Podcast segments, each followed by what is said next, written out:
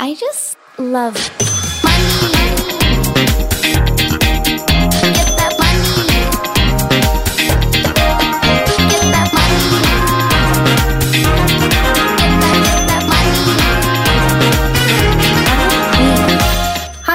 velkommen til en ny episode av Karrierekvinner podcast. Det er mandag, og i dag så har jeg med meg eh, en av mine bedre halvdeler, Donna Kastrati i Equal Agency. Vi er jo da to av tre som driver eh, Equal Agency og står bak denne podcasten. Og i dag så har vi lyst til å snakke litt om money mindset.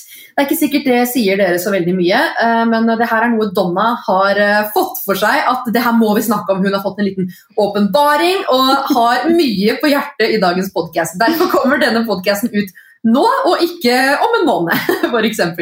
Velkommen eh, hit, Donna. Tusen takk. Det er deilig å ha deg tilbake igjen, og deilig at vi er flere i IKO som endelig eh, ja, prater igjen i podkasten her. Ikke bare meg, meg, meg. Ja, nei, det er deilig å være tilbake, og det er deilig at vi har eh, ja, så mye, så mye på hjertet om dagen. Eh, ja, så mm, Men det er det en grunn til. Det er en grunn til at du har mye på hjertet. Du har jo du har fått Ja. noen eh, åpenbaringer, og du har drevet og lært meg om money beliefs og money mindset. Det, det virker som om du har blitt litt sånn, ikke gladkristen, men du har funnet en eller annen sånn pengegud. pengetro. Pengetro, som det betyr på norsk. Det høres veldig, veldig rart ut. Men ok, fortell, hva er, hva er det som har gått opp for deg nå? Hva, for det første, hva er money beliefs og money mindset? Hva er forskjellen, og hvorfor betyr det her så mye for deg akkurat nå? Ja. Um, ja, nå høres det ut som at uh, det var uh, et veldig stort mål her, men uh,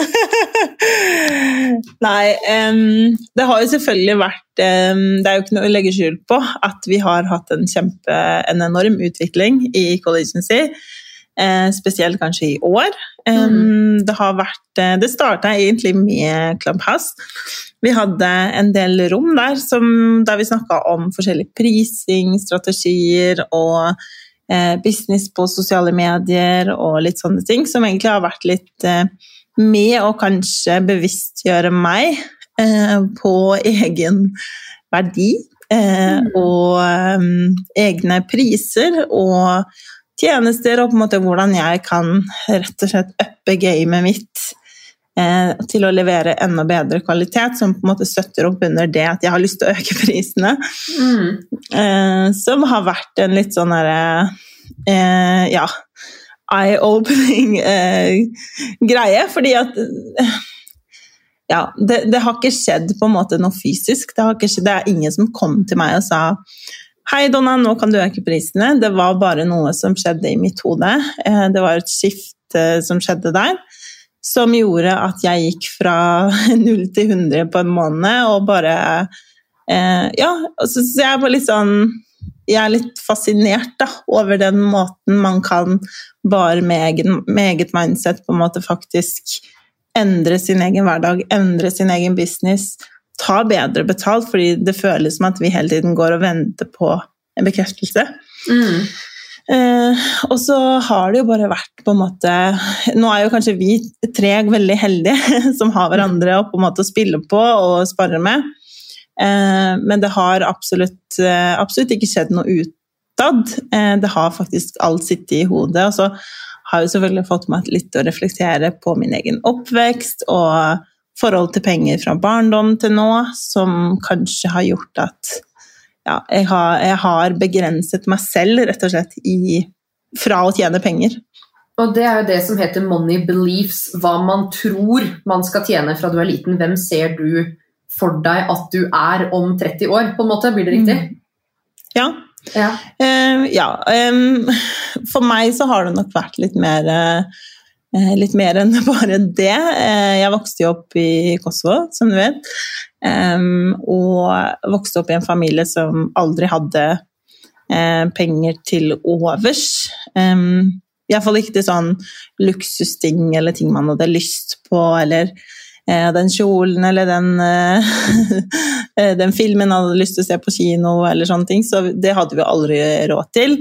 Mm. Jeg husker på en måte at det var mathandel en gang i måneden, og det var på en måte det forholdet jeg hadde til penger. Eh, utover det så hadde vi på en måte ganske dårlig råd. Vi hadde jo uh, vanlig på en måte familieøkonomi, og vi klarte oss jo gjennom og, og bodde på bygda, så vi dyrka mye grønnsaker og sånt selv. um, men så har jeg på en måte Det, sitter det, Jeg tror det på en måte sitter litt mer enn man tror. Mm, fordi i min omfest så var jeg på en måte alltid veldig klar over at jeg ikke skulle havne i de samme pengeproblemene som mine foreldre og besteforeldre eh, havnet i. Mm. Eh, uten en nødvendigvis en sånn plan på hvordan jeg skulle få det til, eller hvordan jeg skulle være bedre. Men så tror jeg det egentlig ikke, ikke skjer så mye i praksis. Jeg tror man havner litt i de samme sporene. Mm. Ubevisst, fordi jeg tror man på en måte eh, sånn For meg, da, så er jeg jo selv den dag i dag, så er jeg fortsatt veldig redd for hva er det som skjer hvis jeg bruker en krone for mye, da?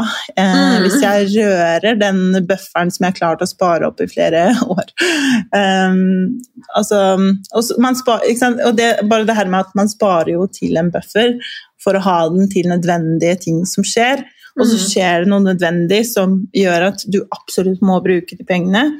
Men så for meg så har det vært sånn Er det nødvendig nok? på en jeg måte? Jeg bare tør ikke å liksom røre det engang. Men det er en sånn ydmykhet som kommer av ja, f.eks. deg da, når det kommer til oppvekst, eller for meg når jeg var student. Jeg, hadde jo, jeg har jo alltid hatt foreldre sånn som har, Det har vært mulig å spørre de hvis jeg liksom har sittet litt dårlig i det, eller noe, men det er den derre kombinasjonen av ydmykhet, men også at jeg skal klare meg sjøl. Sånn som når du sier at dere hadde dårlig råd når du vokste opp. Vi hadde ikke nødvendigvis dårlig råd når jeg vokste opp, men når jeg var student og flytta for meg selv og sånn, det der med å skrape sammen pengene for å få råd til bussen. Noen dager så hadde du ikke råd til bussen, du måtte gå en time i regnvær. Men det var liksom ikke snakk om å, å liksom spørre noen om hjelp. Da. Jeg tror de to tinga der de gjør at uansett hvor mye penger du tjener, så er du så redd for å falle tilbake igjen da, i den der økonomiske ubalansen at du har en sånn evig buffer som du aldri tør å touche. Selv om den bufferen er på 200 000 kroner, så er det sånn nei, vet du hva, jeg kan ikke ta 2000 kroner av den bufferen. Hmm. Det er så rart med det, hvordan vi liksom Ja, den ydmykheten sitter jo alltid i, og det tror jeg er veldig sunt, da. Egentlig. Mm. Men eh, Ja. som du sa før vi begynte å det, uansett hvor mye penger du tjener, så bruker du jo tilsvarende. Så Ja, ja det, er jo, det er jo en annen ting. At altså, man, man bruker jo Hvis man plutselig begynner å tjene dobbelt så mye som man har gjort før, så vil man jo plutselig kanskje begynne å kjøpe de tingene som man har ønsket seg lenge, og det som koster litt mer penger enn hva de Mhm. tingene man, man har måttet svart for, egentlig gjør. Så, eh, så det føler jeg kanskje er en litt annen eh, ting igjen. Men for meg da, så har det jo vært veldig sånn eh, jeg tror, uten å være helt sånn klar eller bevisst på det selv, så har jeg ikke hatt liksom noe tro på at jeg kan tjene penger. Så det er helt ærlig, jeg, jeg har, selv om jeg har hatt med veldig store summer å gjøre gjennom fire år som gründer, og på en måte har omsatt for flere millioner og sånn, så det er akkurat som på en måte det bare ikke har betydd noe, eller ikke har måte, klart å helt ta stilling til det egentlig, hvor mye penger det faktisk er, fordi det hele tiden har vært en slags bekymring over måte, hva om det her rakner nå? mm. Og det er det den dag i dag også, men, men det som på en måte har skjedd nå, eh, spesielt kanskje i 2021, er jo at det har vært en, et skift, eller en mer sånn bevisstgjøring, eh, og at jeg er klar over det og jobber aktivt med eh, å stå imot det, da. Eh, de, eh, de tankene og de eh, som kan være ganske ødeleggende, fordi vi vokser jo opp, og så Noen har jo f.eks. i sin oppvekst hørt Man trenger jo ikke være fattig, men at man f.eks. har hørt mor og far krangle om penger. Mm. Så på en måte vokser man opp med at penger er noe man krangler om, så man snakker på en måte aldri om penger. Og har et veldig usunt forhold til penger på den måten. F.eks. aldri snakke om det med mann eller kjæreste, eller hva det måtte være, fordi man er redd for å havne i en krangel. Eh, og spesielt kanskje da hvis foreldrene har gått fra hverandre, så er man jo redd for å havne i det sporet igjen.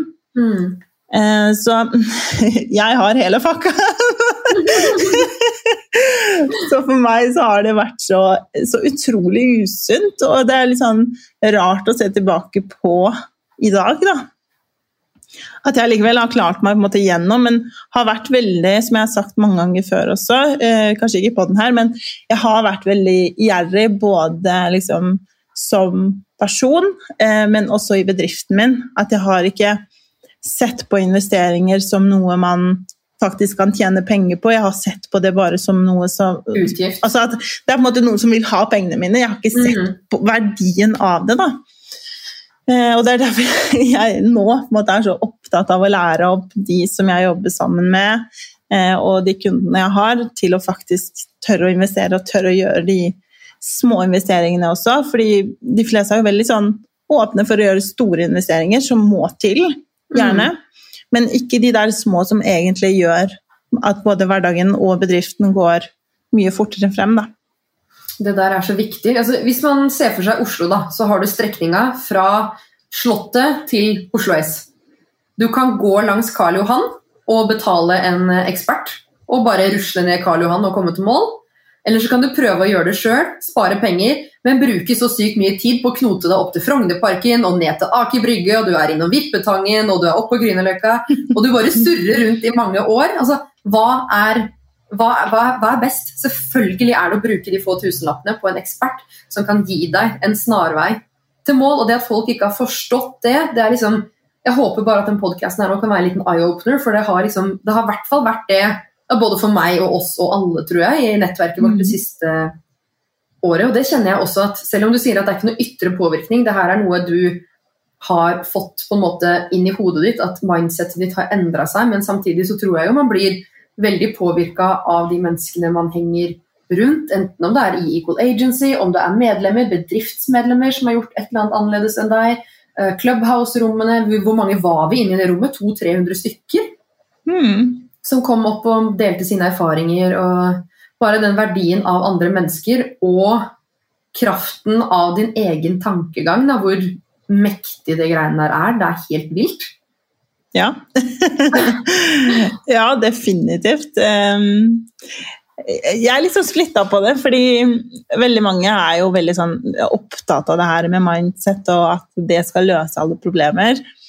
Jeg tror nok riktig innstilling er en ganske stor del av eh, suksessen og, og hvor langt du kommer, men så handler det jo også om å få de, altså gjøre de handlingene da, som Mm. følger etter. Eh, for én ting er jo å ha kun det med riktig mindset får deg på en måte ikke dit du vil, med mindre du faktisk gjør de tingene som skal gjøres. Men med riktig mindset så er jo sjansen mye større for at du tar de rette valgene da, enn hvis du har et negativt mindset. Da Ja. gidder du ikke, da. Da er- oppsøker du ikke eventuelle muligheter, du takker ikke ja til eventuelle muligheter, whatever. Jeg gidder ikke å komme, altså samme faen. Har du Mm. et sånt nysgjerrig, oppriktig mindset, så tror jeg at det hjelper deg til å ta de riktige valgene og gjøre de handlingene som kreves. For selvfølgelig så kreves det at du gjør noen ting. Du kan ikke bare sitte og tenke. Men eh, nei. eh, Jeg tror litt, jeg tror litt på det. Begynte å tro eh, ekstremt mye på det nå i det siste, og hvor mye det kanskje egentlig har hjulpet meg opp gjennom åra, som jeg ikke har tenkt på selv. Da. Men når du var liten, hvem er, hvem er det du så for deg at du skulle være når du var 30? Ja, Det er, litt- det er i litt sånn- Nei, eh, nei, det, nei, men det er litt sånn rart med det. fordi jeg husker jo da jeg vokste opp, så, så hadde vi mye familie som bodde i utlandet. Eh, det store utlandet. Og jeg husker at jeg på en måte alltid jeg latet som jeg bodde i utlandet. altså det var det, ikke sant?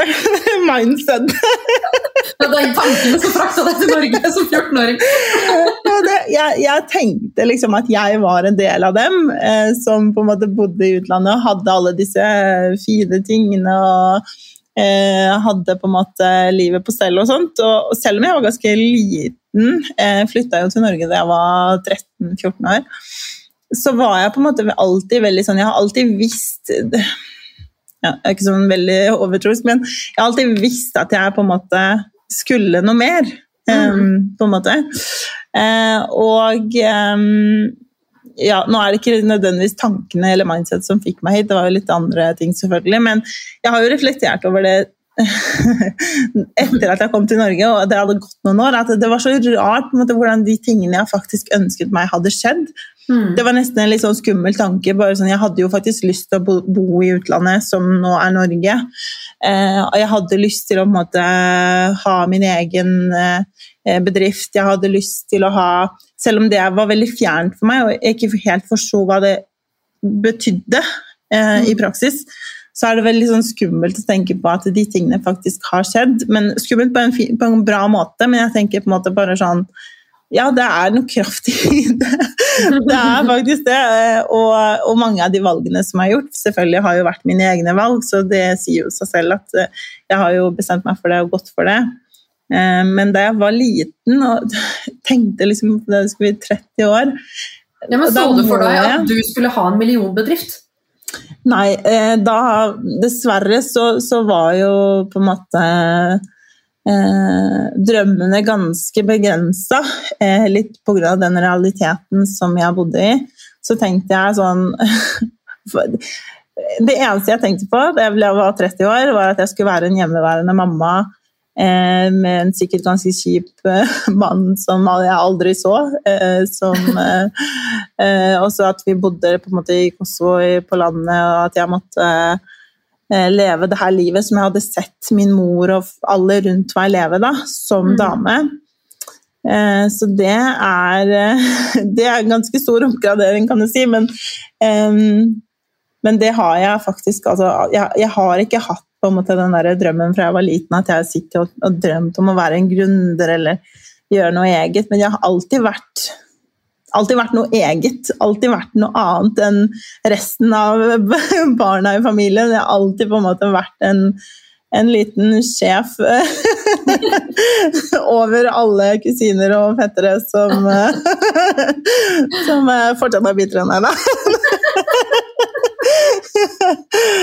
Nei, men eh, ja, så, så akkurat de tingene på en måte, Det gjør jo selvfølgelig at jeg er mye mer takknemlig for alt jeg har i dag, og, og hvordan, det at jeg bor i Norge i seg selv, eh, at det er en, en kjempestor um, ja, ting som jeg er takknemlig for. Da. Mm.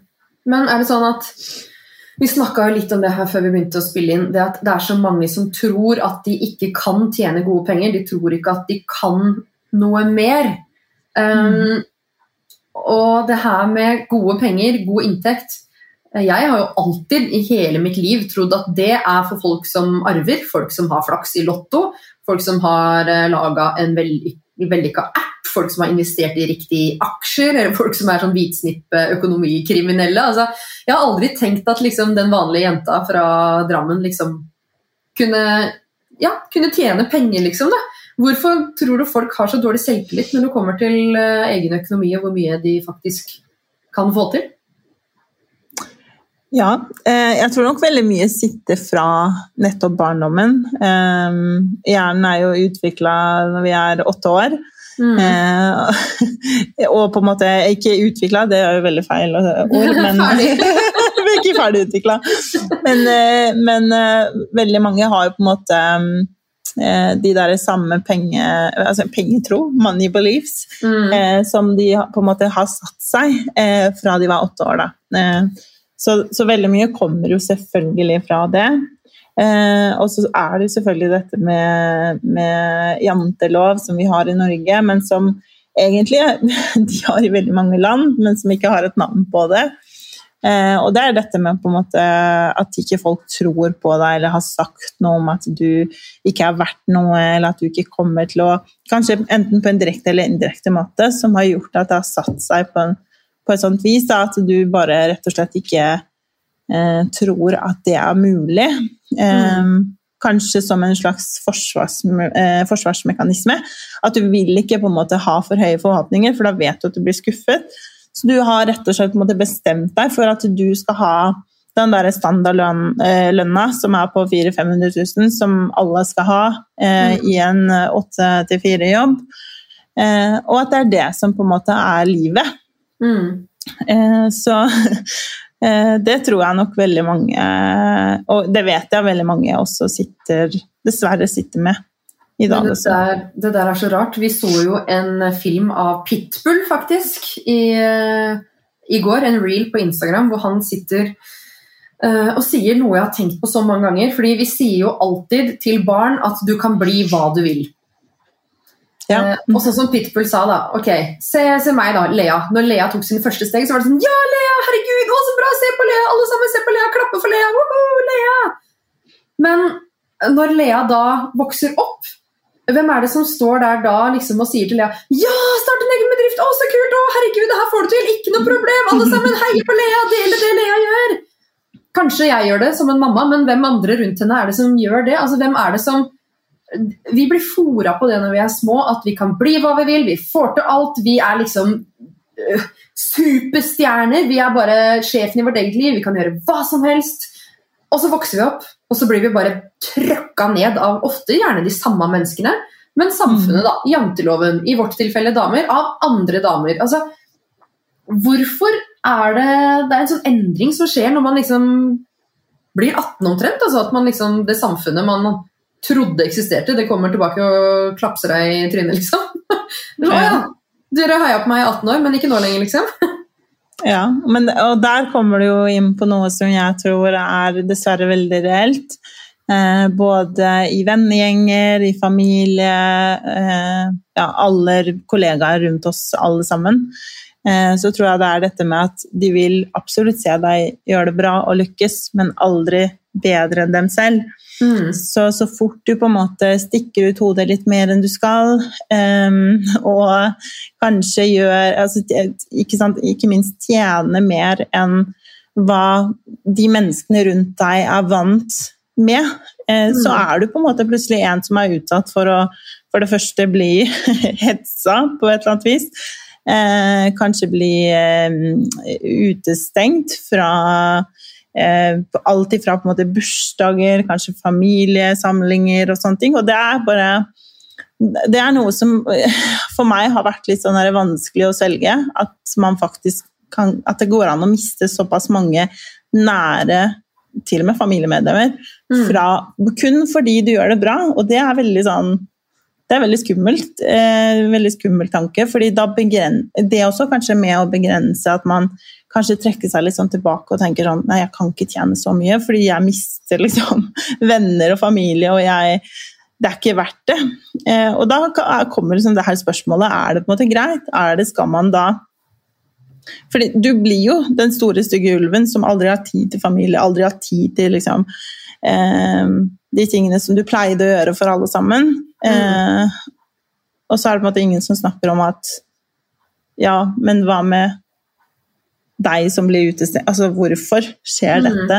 Hva er det, hva er det som skal til? På en måte, hva, hvorfor Det er det sikkert mange som ikke tenker over, men det der er det er så sant. Altså, dere som sitter og hører på nå, bare se for deg en gang du har lykkes med noe. Om det så er eh, at du har kjøpt deg en ny bil, da. kanskje du har kjøpt deg den fineste bilen i vennegjengen, og så er det en eller annen venn som sier 'æsj, fargen var stygg'. Det, det er et eller annet gærent med den. Du må rakke ned på din suksess, ikke støtte din suksess. Altså, det er jo litt det vi driver med i Equal Agency, og den derre girls supporting girls. Egentlig alle bare support hverandre, fordi hvis de eh, Altså hvis de menneskene da, som jeg forventa skulle heie på meg opp til dit jeg er nå, hvis de virkelig hadde gjort det, da hadde jo jeg dratt de med meg opp. Jeg er ikke, det er fælt å si det, men jeg er ikke interessert i det nå. Nei. Nei, og det, ja, men det er, så, det er så bra at du også sier det, Benedicte. For det er eh, Jeg tenker det er viktig også å belyse det.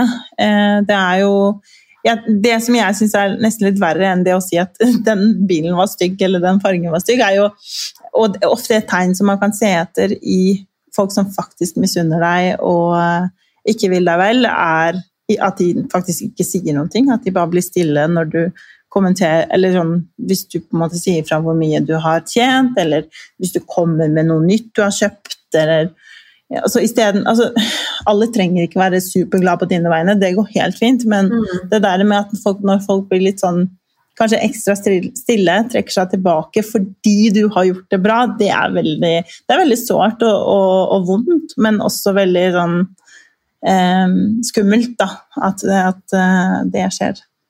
Ja. Var faktisk helt krise. Men, eh, men sånn er det. Og selv om man ikke kanskje ennå har tjent sin første million og liksom har ført på akkurat den delen, så vedder jeg på at alle her kan kjenne seg tilbake til en eller annen setting i barneskolen, ungdomsskolen, videregående. Når du har kjøpt en ting, hvis du har tatt en bachelorgrad, tatt en mastergrad, fått deg en kjekk kjæreste, kjøpt deg et fint hus, et eller annet, så har du garantert en eller annen rundt deg som eh, ja, ikke har stått i hjørnet og eh, applaudert, for å si det sånn. Og Det er jo også en sånn ting som er litt morsom å ta over inn i når man tenker på sånn Instagram-verden og sånn også. De som heier mest på meg og liker og kommenterer og er mest i min DM, det er jo folk jeg ikke kjenner. Hvorfor? Det er så veldig rart hvordan mennesker man ikke kjenner, heier mer på deg enn de du er glad i. De som er glad i deg. Det er liksom et sånt merkelig fenomen, det greiene der. Men ok, tilbake igjen til det her med å kjenne sin verdi og prissetting og sånne ting. Hvordan har den prosessen der vært for deg i år? For jeg har jo sagt lenge at fra mai da skjer det, liksom. Det har jeg sagt helt siden januar. uh, og nå er vi i mai. Nå er vi i mai. Jeg hadde jo en liten breakdown. Ja, hvordan har det gått? Nei, jeg hadde jo en liten breakdown. Når var det? 30. april, hvor jeg bare sa til deg, Karoline Ferdig, jeg gidder ikke mer! Faen i helvete! og så liksom kom mai, og så bare Ja, faen, stemmer det? Det var den måneden her alt skulle ordne seg. Og da er det jo det her med ok, da må jeg faktisk gjøre de handlingene som gjør at det ordner seg. Og nå er det liksom Ja. Eh, det, det er på stell, ass. Du, jeg, jeg må bare si. Jeg syns at du er eh, Du er faktisk en av de menneskene som er helt rå på det der. Du sånn, du bestemmer deg for noe. Eh, og uansett liksom, hvordan du føler deg den dagen, uansett hvordan eh, utfordringer eller uforutsette ting som på en måte kommer opp, så er du bare Du skal gjøre det, og du skal være på ballen, og du skal gjennomføre det. Eh, og det skal du ha. Det er det på en måte, man kan alltid regne med deg, uansett hvor mye du egentlig klager litt i forveien. så er du så syk doer. Liksom, du bare du gjennomfører. Og jeg, jeg kan alltid sånn Når vi jobber med bedrifter og, og med litt forskjellige prosjekter, så, så vet jeg alltid 100% uten å liksom tvile et sekund at det blir gjort, og det blir Ja. gjennomført. Åh, takk, nå ble jeg nesten litt rørt, for jeg følte at jeg klaga så fælt i det siste. Men altså, det er jo det det handler om. Det er så mange som Å, hvor får du den energien fra? Motivasjon og inspirasjon. Det, sånn, det handler ikke om energi og motivasjon og inspirasjon. Du, Donna, vet hvor langt nede jeg kan være, hvor mørkt det er, hvor uinspirert og umotivert jeg er, og hvor lite energi jeg har, hvor lite jeg har sovet. Og likevel, det handler om å bare gjennomføre. Disiplin. Det er jo det det handler om. Ja, ja og den gjennomføringsevnen din, den er bare helt sinnssyk, faktisk. Den er helt amazing. Det er så sjukt å høre utenfra, for du, jeg ser det jo egentlig ikke selv. Det sånn, jeg ser jo at ting har blitt gjort, og at det gir helt sjukt bra resultater, men nei, jeg vet ikke. Man, man ser kanskje ikke sånne ting selv. Nei, så det må du ta med deg.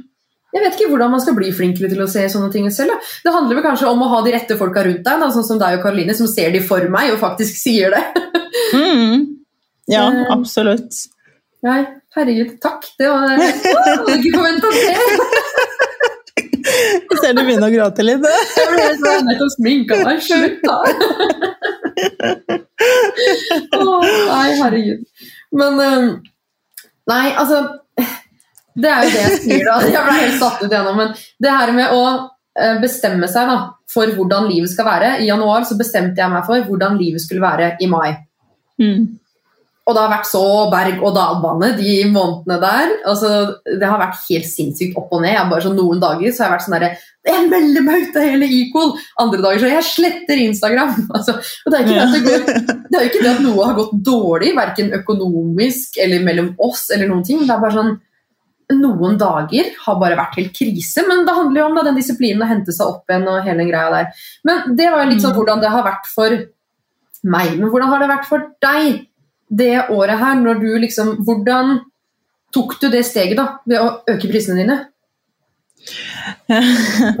Ja, ja, hvordan tok jeg Jeg har, ikke noe konkret svar på det, men hvis man ser tilbake på da IK startet, så var det på en måte jeg som var den som pushet prisene ned. Um, og det har jo noe med at um, mine eh, Min pengetro. At jeg på en måte tror ikke folk har råd til å betale oss eller meg, og jeg tror jeg har lyst til å spare de penger, eh, Mm. og så har jeg lyst til å liksom, gi dem ti ganger mer enn de har betalt for, selvfølgelig. Eh, og så på en måte eh, kom jeg til et punkt hvor jeg rett og slett ble eh, utbrent, nesten. Mm. Um, også uten å egentlig skjønne at det handlet om at det var først, altså, Jeg hadde jo vært grunner tre år før det, så for meg så var det på en måte Jeg skjønte ikke koblinga helt, uh, selv om dette var en helt annen type jobb vi gjorde nå. Um, og så uh, hadde vi jo lekt oss litt sånn frem og tilbake med priser, og vi måtte jo teste altså Første året blir jo alltid litt sånn testeår. Mm. Eh, og jeg var så glad for at vi har stått i det sammen, sånn uansett hvilke avgjørelser ting som har vært, at vi på en måte til syvende og sist klart å komme til en enighet sammen. Eh, men så, eh, i år, så var jeg eh, Jeg har jo hatt en del mer prosjekter i år, eh, og hatt en del flere kunder. Eh, og gjort en del eh, Ja, utvikla nye tjenester osv. Og så, men veldig mange av de samme kundene faktisk som jeg har tatt med meg fra 2020. Mm. Eh, og så satt jeg her en kveld og skulle sende da tilbud til en kunde. Og det er så rart Det, det er jo egentlig det som trigga det hele i meg med å øke priser og sånt, fordi jeg gjorde ikke sånt før. Det var på en måte ikke lov. Hvordan er det ikke altså, Det gir ikke mening! det var ikke lov å gi, å gi høy pris. Um, men så har på en måte Først og fremst så er jo det et resultat av alt vi har gjort, og at jeg på en måte også ser min egen verdi i resultater som kunde får. Mm. Eh, og, og har snakka selvfølgelig har jo vi i år også hatt med litt større eh, bedrifter og mennesker å gjøre. Eh, så vi har på en måte også omringet, omringet oss kanskje med litt mer riktig folk i forhold til pris.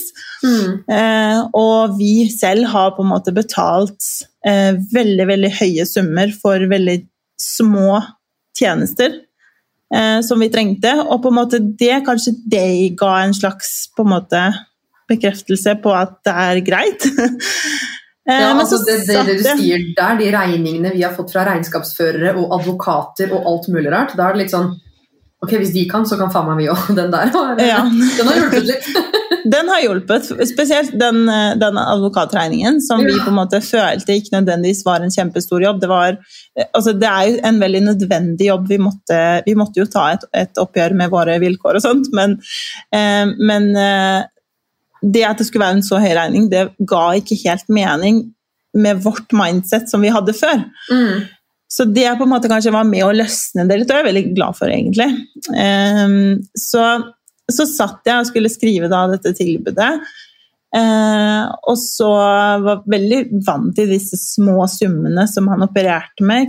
Dette koster så mye, dette koster så mye, og på en måte håpe at det blir litt sånn flere tjenester, sånn at man får en mer sånn totalpakke og ja, kan fakturere for mer enn et par to, 2000 kroner.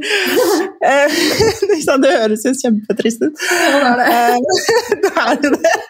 Tenk at det var mye for liksom et og et halvt år siden. Ja. ja, ikke det engang. Um, og så, og så Det var bare akkurat som at jeg bare Jeg var veldig lei den dagen. Og har jobbet med denne kunden egentlig ganske lenge. Eh, så jeg, hun kjente jo på en måte godt i meg og mitt arbeid, så det var på en måte ikke en helt ny kunde som, eh, som jeg ikke kjente til. Så på en måte så visste jeg at hun satte pris på den jobben jeg gjør, og visste min verdi. Så da var det egentlig bare min jobb å, å vite min egen verdi og begynne å prise meg etter det. Eh, så jeg bare liksom satt og skrev, skrev Hadde egentlig skrevet ferdig den mailen. Og så går jeg gjennom de prisene jeg har satt, og så setter jeg 10 000 mer på hvert punkt. og det var Det var bare sånn Jeg sendte Altså, det som skulle koste 2000, kosta 12 000. Det som skulle koste 3000, kosta 13 Det som koste 7, kosta 17. Så jeg bare sånn Dette kommer aldri til å skje.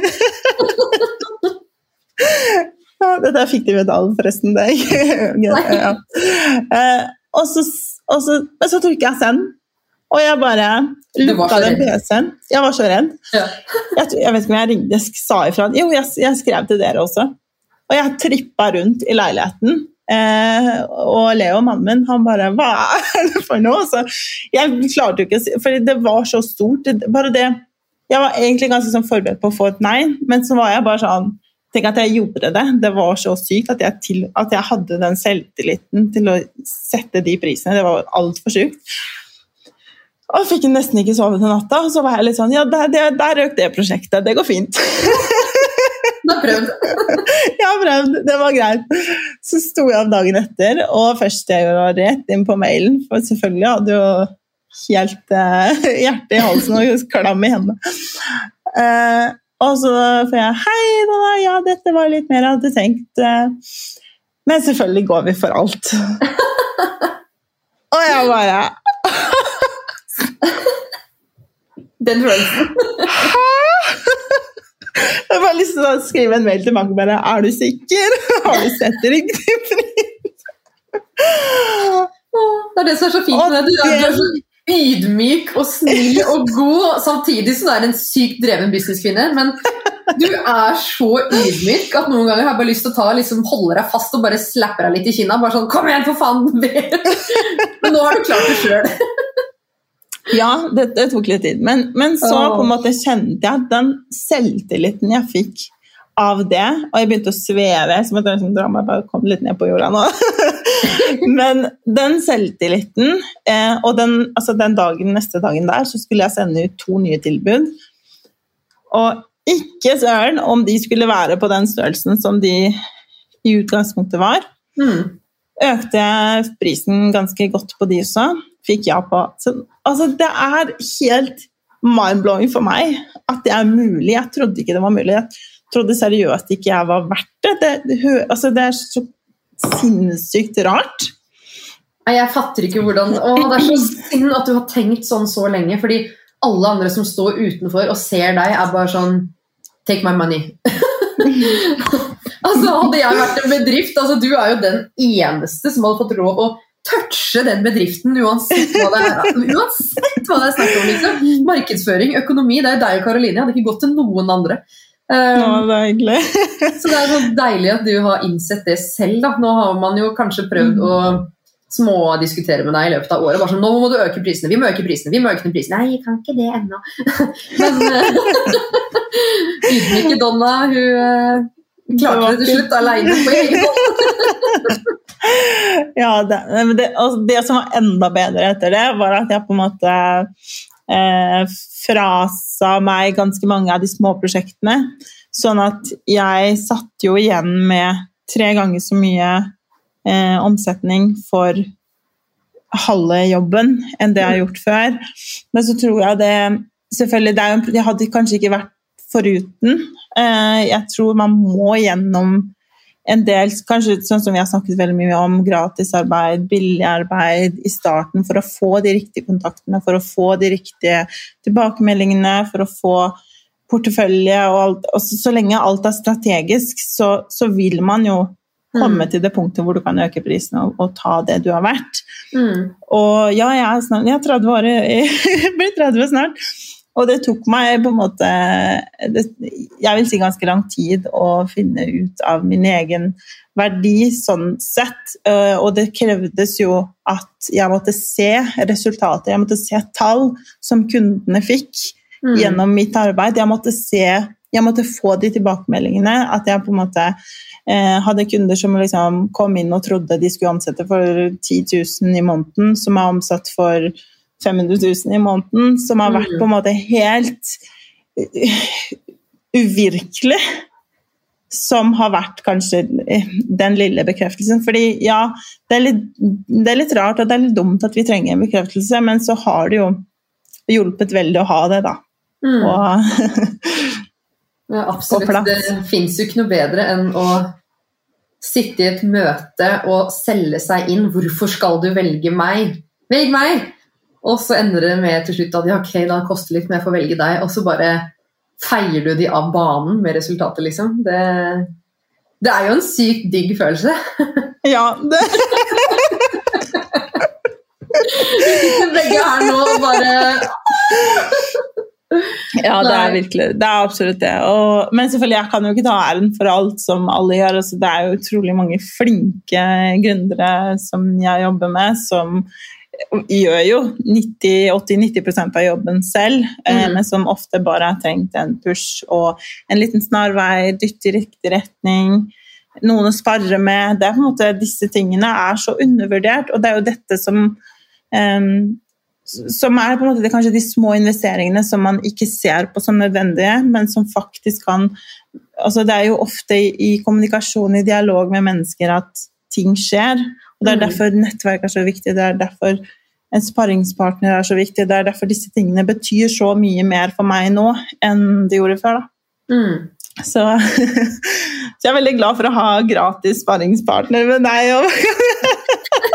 Jeg skal begynne å ta betalt nå, det.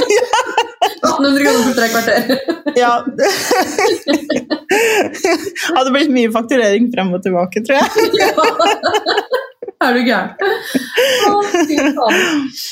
Å nei. Det Men ja, vært, så eh, hvis man skulle trekke liksom, ja, eh, noen, noen eh, punkter fra det her, så er det altså, rett og slett tør å ta den sjansen. Som jeg sa altså innledningsvis, det skjedde ikke noe fysisk. Det, ikke, det kom ingen og sa eh, nå setter du 10 000 mer på hver. Altså, det, det bare var noe som eh, Litt sånn tilfeldigvis, sikkert, men at jeg, at jeg var litt sånn sliten og lei den dagen. Men bare prøv det. Altså, jeg lover, det føles veldig, veldig godt. Og, og får du et nei, så fikk du et nei. Det kommer nye muligheter, det kommer nye kunder. Alltid. Ja, og som jeg sier til alle jeg har coaching med, uansett hvis du skal sende en pris, et mediakit, hva som helst, så er det alltid lurt å sette prisen litt ekstra høyt, sånn at du har litt forhandlingsrom og likevel kan lande på den summen du egentlig ser for deg. da.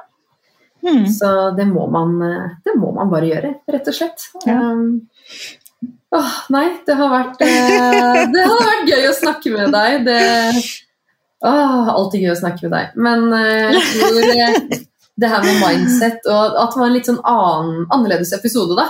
Um, litt mer sånn Mm. diffus, men samtidig Jeg veldig liker veldig godt disse ja, refleksjonsepisodene, kanskje det det jeg skal kalle det.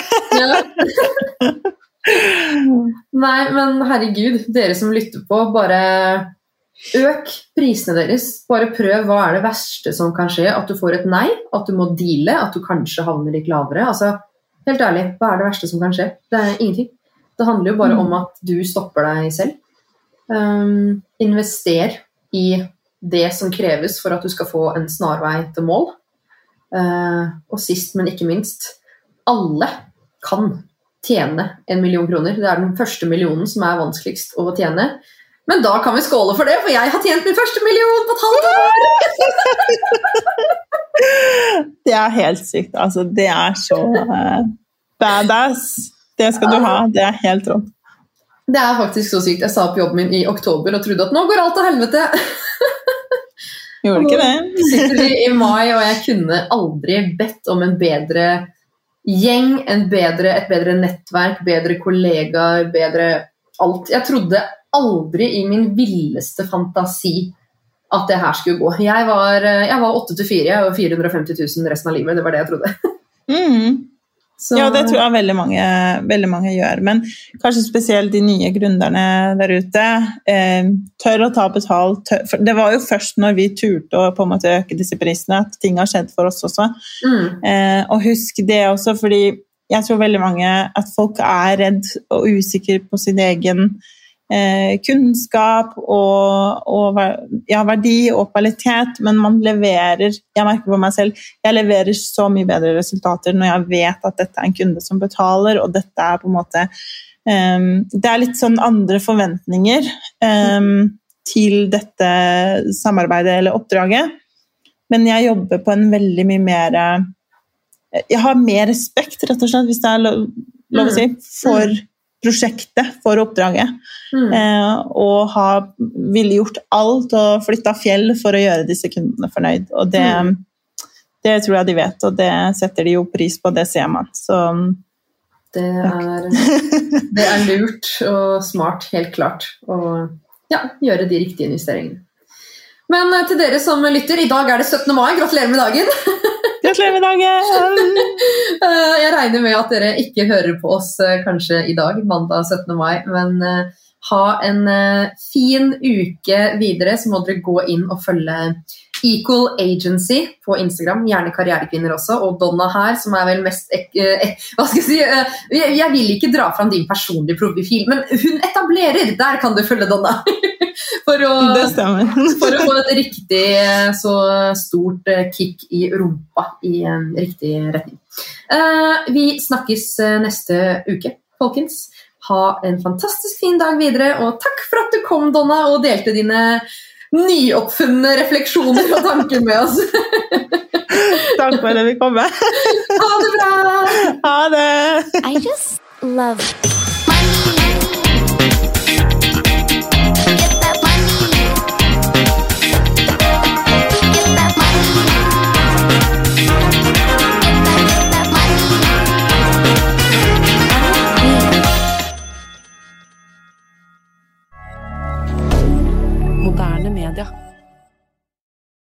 Har du et enkeltpersonforetak eller en liten bedrift? Da er du sikkert lei av å høre meg snakke om hvor enkelt det er med kvitteringer og bilag i fiken, så vi eh, gir oss her, vi. Fordi vi liker enkelt. Fiken superenkelt regnskap.